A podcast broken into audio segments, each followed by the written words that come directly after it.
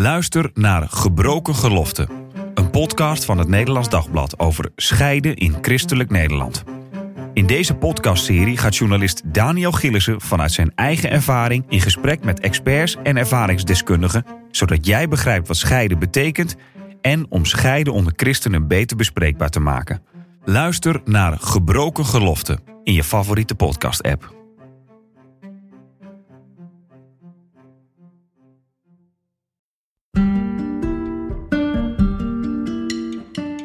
Leuk dat je luistert naar de Relatiepodcast.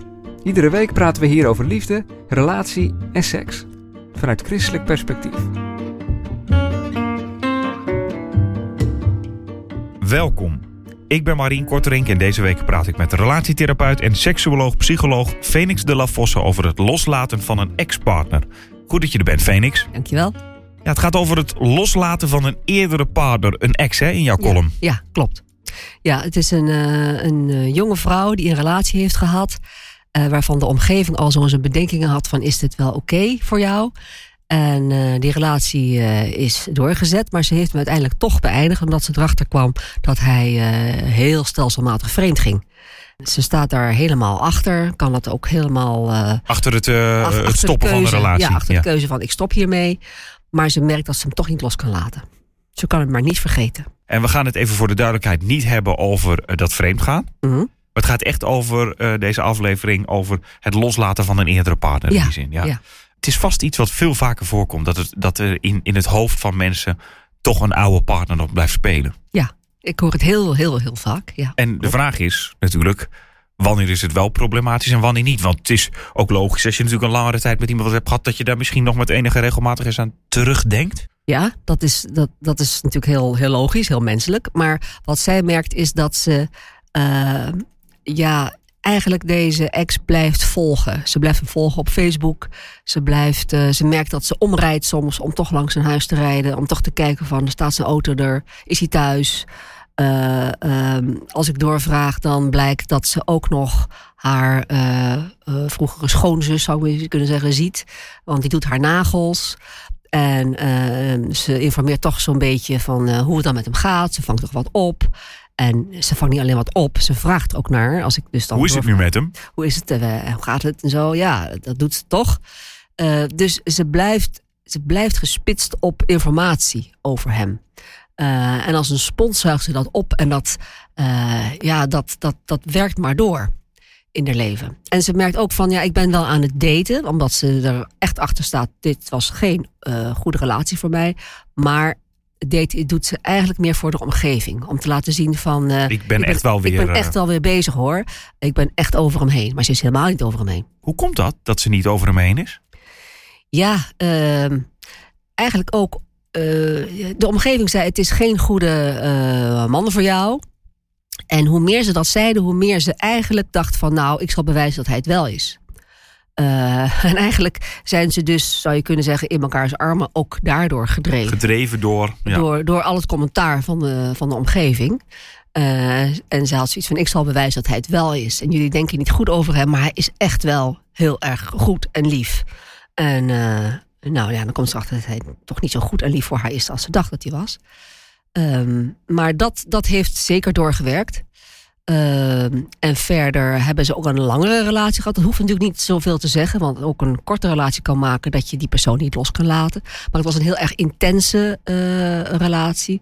Het was haar eerste relatie, het was een seksuele relatie. Er waren allerlei plannen voor de toekomst.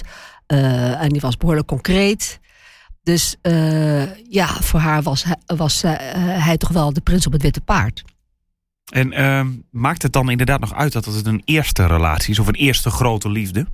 Ik, ja, ik denk het wel. Ik denk het wel. Uh, het, ze hadden het ook heel erg geromantiseerd. Uh, van nou, dan, dan ontmoet je die ene, want er is maar een ene. En, en dat was hij dus. Alleen hij werd miskend door haar omgeving, jammer genoeg, dacht ze. Maar hij is het wel, daar gaan ze achter komen. Want ik ben er al achter gekomen. en ja, hun seksuele relatie was ook heel intens en, en prettig. Uh, en dat gaf ook een sterke band. En je zou kunnen zeggen, er is toen ook heel erg veel uh, oxytocine aangemaakt. Uh, het knuffelhormoon, dus dat, dat, dat knuffelen zat er zo in. En dat is ook iets wat ze erg mist. eh, ze mist ook echt het seksuele eh, deel in haar leven nu. Want ze vindt seks met zichzelf toch wel, nou, dat, dat, dat is het niet. Het was echt met hem. Dus ja, daar denkt ze ook vaak aan terug. Meerdere facetten hier natuurlijk aan. Ik denk ook wel eens van ouders die zich bemoeien met een, een, een, een vriendje of een vriendinnetje van een kind dan krijg je misschien soms ook dat effect wat je hier dus ook, wat ik in jouw column ook lees, dat, je, dat ze daardoor samen sterker zijn eigenlijk nog. Ja, hè? ja. En dat het dus langer duurt voordat je uit elkaar gaat. Omdat je denkt, we zullen eens even laten zien dat het Samen- wel echt zo Precies, is. samen tegen de Ik ga het buitenwereld. tegendeel hè? bewijzen. Eh, uiteindelijk komt ze toch tot de conclusie, het is niet ge- gezond.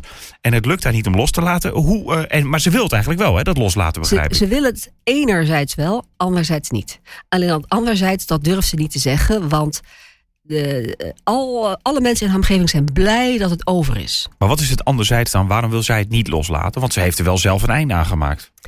Eh, ze, ze, kan, eh, ze kan de leuke, eh, mooie, fijne dingen niet vergeten. Dus eh, eh, dat komt vooral naar voren. Eh, en dat overschaduwt de pijn en, en, en de boosheid over het vreemdgaan. Ehm, ergens is het ook mooi, toch logisch misschien of niet gek... dat je als je terugblikt op een relatie ook de mooie dingen nog kan zien. Van nou, dat was mooi en dat was mooi. Ja, Dat, dat klinkt gewoon van Ja. helder analytisch. Ja. Ja, ze is niet voor niets eh, verliefd op hem geworden. nee, dat zou ook raar zijn als je zegt het was allemaal helemaal fout. Maar Ja. ik ben wel 30 jaar samengewerkt Ja, bij wijze van spreken. Precies, ja. En weet je, soms, soms gaat het gevoel ook echt niet weg. En soms moet je misschien ook zeggen van, eh, als ik eerlijk ben... en het gaat hier naar mijn idee over eerlijkheid... eh, naar, naar jezelf toe. In haar gevoel is het eigenlijk nog steeds... houdt ze nog steeds van hem. Eh, ehm, en soms eh, is het zo dat dat houden van niet overgaat. Maar dat betekent nog niet dat je hele leven on hold moet. En dat je samen moet blijven. Precies. Dus Ja. je kan zeggen, ik hou nog steeds heel veel van hem. En ik vind het moeilijk om een nieuwe partner te zoeken. En die zal misschien nooit hetzelfde zijn. Of in die zin eh, onvergelijkbaar zijn. Ook Ja. omdat het een eerste relatie Ja. is. Daar ga je natuurlijk misschien de rest van al je partners mee vergelijken. Toch een beetje. Eh, maar dat dat dan naast elkaar kan bestaan. Dat vinden we misschien soms nog lastig. Ja. Van, ik hou nog van hem. Maar ik ga toch iets anders zoeken. Ja. Alsof, eh, weet je, eh, so- soms denken mensen van je kan maar van één persoon houden. Nou, dat, naar mijn idee is dat niet zo. Je kan best wel naar, van meer mensen houden. Maar het gaat erom wat je ermee doet.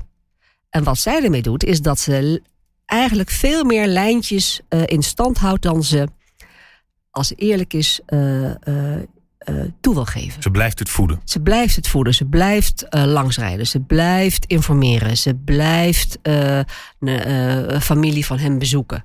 Ze is niet eh, rigoureus, ze is niet zakelijk. Ze zou het, naar mijn idee zakelijk moeten aanvliegen en moeten denken van weet je, als ik dit blijf doen, dan blijf ik mezelf eh, pijn doen. En ik heb besloten, dus laat ik nu gewoon één lijn trekken. Als hij het niet is, oké, dan moet ik me omdraaien. Deur, deur dicht, doorlopen. En dat En niet betekent ook... teruggaan en weer aan die deur morrelen. Nee, en dat betekent dus ook bij wijze van spreken je nagels niet meer laten doen bij, eh, bij de zus van hem. In dit geval eh, zou dat naar idee een wijs besluit zijn. Ja, als ze Ja. dat zou kunnen. En waarom is dat goed om dat allemaal af te sluiten? Want ergens is het soms ook heel moeilijk als, stel je, je ex woont in dezelfde plaats. Ja. Ja, dan is de kans dat je zo iemand, ja, moet je dan echt gaan verhuizen. Of je schoonouders waren zo ontzettend lief voor je. Ja, Of eh, misschien wel een betere band dan met je eigen ouders. Ja, maar eh, wat doe je zelf aan als je daar blijft komen? En als je bijvoorbeeld hoort dat je ex een nieuwe partner heeft. Ja dat doet dan nog weer extra pijn ja, natuurlijk. precies. Dus wat doe je zelf aan? Eh, hoe kan, de stoel is bezet. De stoel blijft bezet door de ex. Daar kan, daar kan geen ander op. Dat is Zolang ook oneerlijk voor de volgende partner eigenlijk. ja, ja, precies. Dat is een oneerlijke, oneerlijke strijd, zou je kunnen Ja, zeggen. want een strijd van een soort geest, om het maar zo eens te Ja, zeggen. Die kan je, nooit winnen. Ja, ja. Ehm, en, en hoe rigoureus moet je daar dan in zijn? Want ik zei net, in dezelfde stad wonen. Eh, moet je dan echt daadwerkelijk in een andere stad gaan wonen? Eh, nee, zeker niet. Je, je kan niet zeggen wat, je moet doen. Je, je- het gaat er gewoon om dat je eerlijk bent voor jezelf. Ehm, en als je het niet alleen kan, eh, dat je daar ook eerlijk over bent naar mensen echt in je inner circle, hoe moeilijk het is en of ze je willen helpen. En wat die hulp is, dat is ook weer heel persoonlijk. Helpt het om bijvoorbeeld te zeggen van joh, als je de neiging hebt om bel mij of stuur me een appje. Eh, dat kan genoeg zijn. Weet je, ehm, eh, het- kan van alles zijn wat je omgeving kan doen. Eh, soms is het te zwaar om het alleen te doen. En dan heb je een aantal goede mensen om je heen nodig die je daarin steunen. Ja. eh, die zonder oordeel uh, er voor je willen zijn.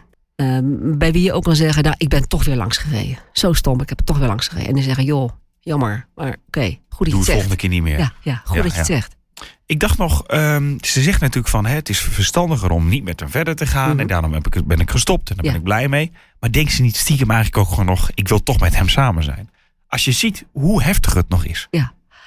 Eh, ja, dit is echt een, een, een verstandskeuze. In de gevoel speelt nog van alles.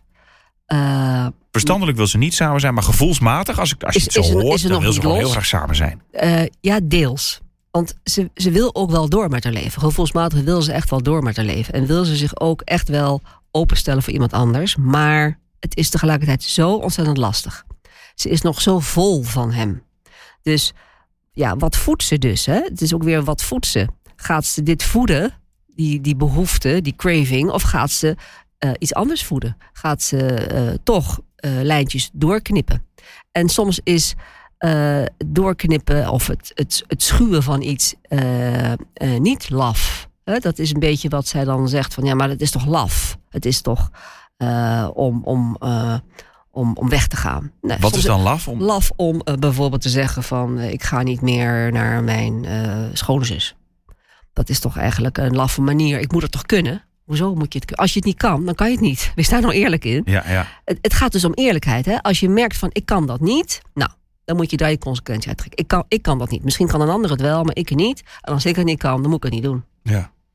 Ehm, hoe lang duurt het nou eigenlijk gemiddeld genomen, als, dat, als je er überhaupt al van kan spreken, voordat je echt over een ex heen bent?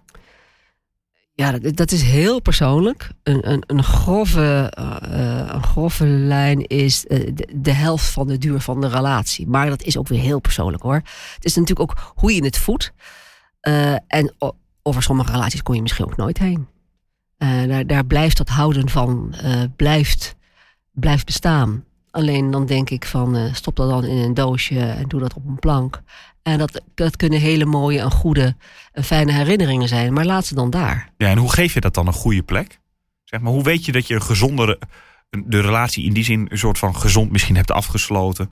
eh, en, en dat het een gezonde plek heeft in een eventueel nieuwe relatie. Niet dat daar dan natuurlijk heet het over ex wordt gesproken, maar dat je gewoon weet van, joh, ik kan het gewoon benoemen. eh, eh, en dat dat een fijne tijd was. Eh, En het is klaar.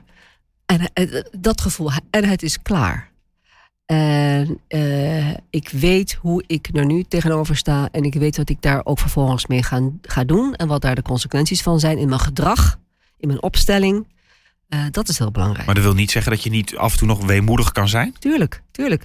Eh, soms spreek ik mensen die eh, in, een, in een huwelijk hebben gezeten van 30, eh 35, 40 jaar. En die uit elkaar gaan.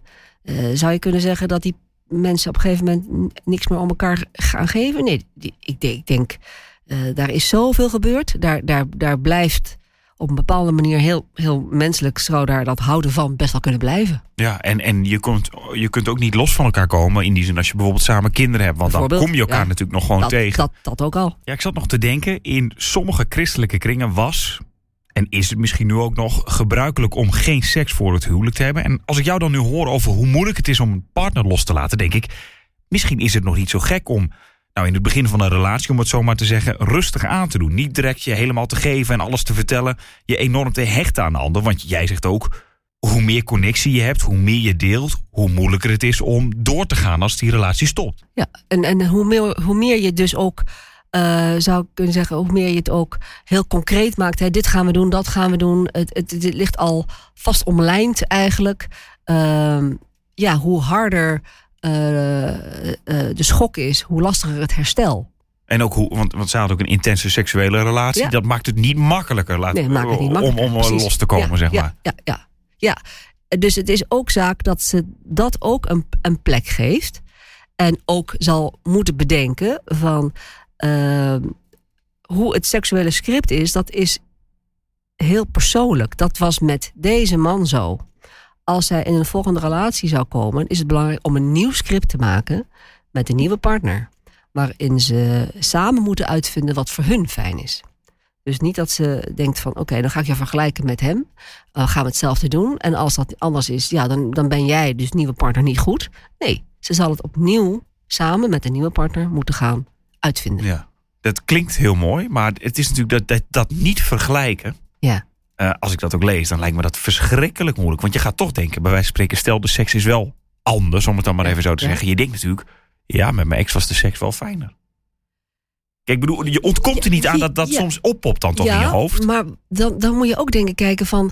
wat was het dan waardoor het fijner was? Wat deed ik dan waardoor het fijner was? Wat deed hij dan waardoor het fijner was? Wat, de con- wat was de context waardoor het fijner was? W- eh, wat was de stimulatie waardoor het fijner was? Dan moet je het dus met je nieuwe partner daarover hebben. Context, communicatie, stimulatie, dat moet wel in lijn zijn en dat moet afgestemd zijn. Dus met de nieuwe partner, ook dat moet opnieuw afgestemd worden. Maar het kan natuurlijk zijn dat de seks daadwerkelijk gewoon minder is, toch? Anders. Anders. Maar anders hoeft niet minder te zijn. Ik denk, zoek altijd wel samen op naar hoe krijgen we het zo fijn mogelijk. Wat hebben wij er allebei voor nodig? En dat zal soms zijn dat je dus ook moet gaan rekken. Hè, van dat je je bent gewend om dat te doen en nooit om dat te doen. Maar met deze partner, ja, waarom, waarom niet? En dat eh, vergelijken, zeg maar in de brede zin, Ja. überhaupt het vergelijken van partners, zeg maar. Hoe, hoe voorkom je dat, dat je dat doet?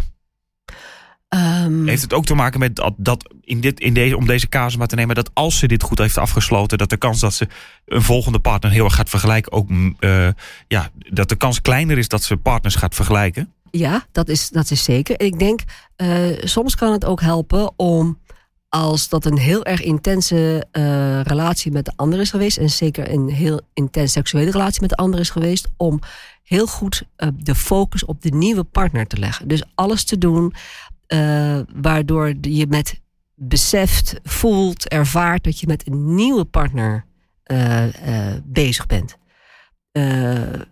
Kijk, als, als seks in het donker is met de ogen dicht, eh, ja, dan kan daar dus de film van een oude partner komen. Nee, eh, het is een andere partner. Eh, kijk die partner aan. Weet je, maak het persoonlijk met een nieuwe partner. Het is een ander iemand waar je dus een nieuwe, een nieuw, een nieuw kleed moet weven. Echt samen. Je moet het samen maken.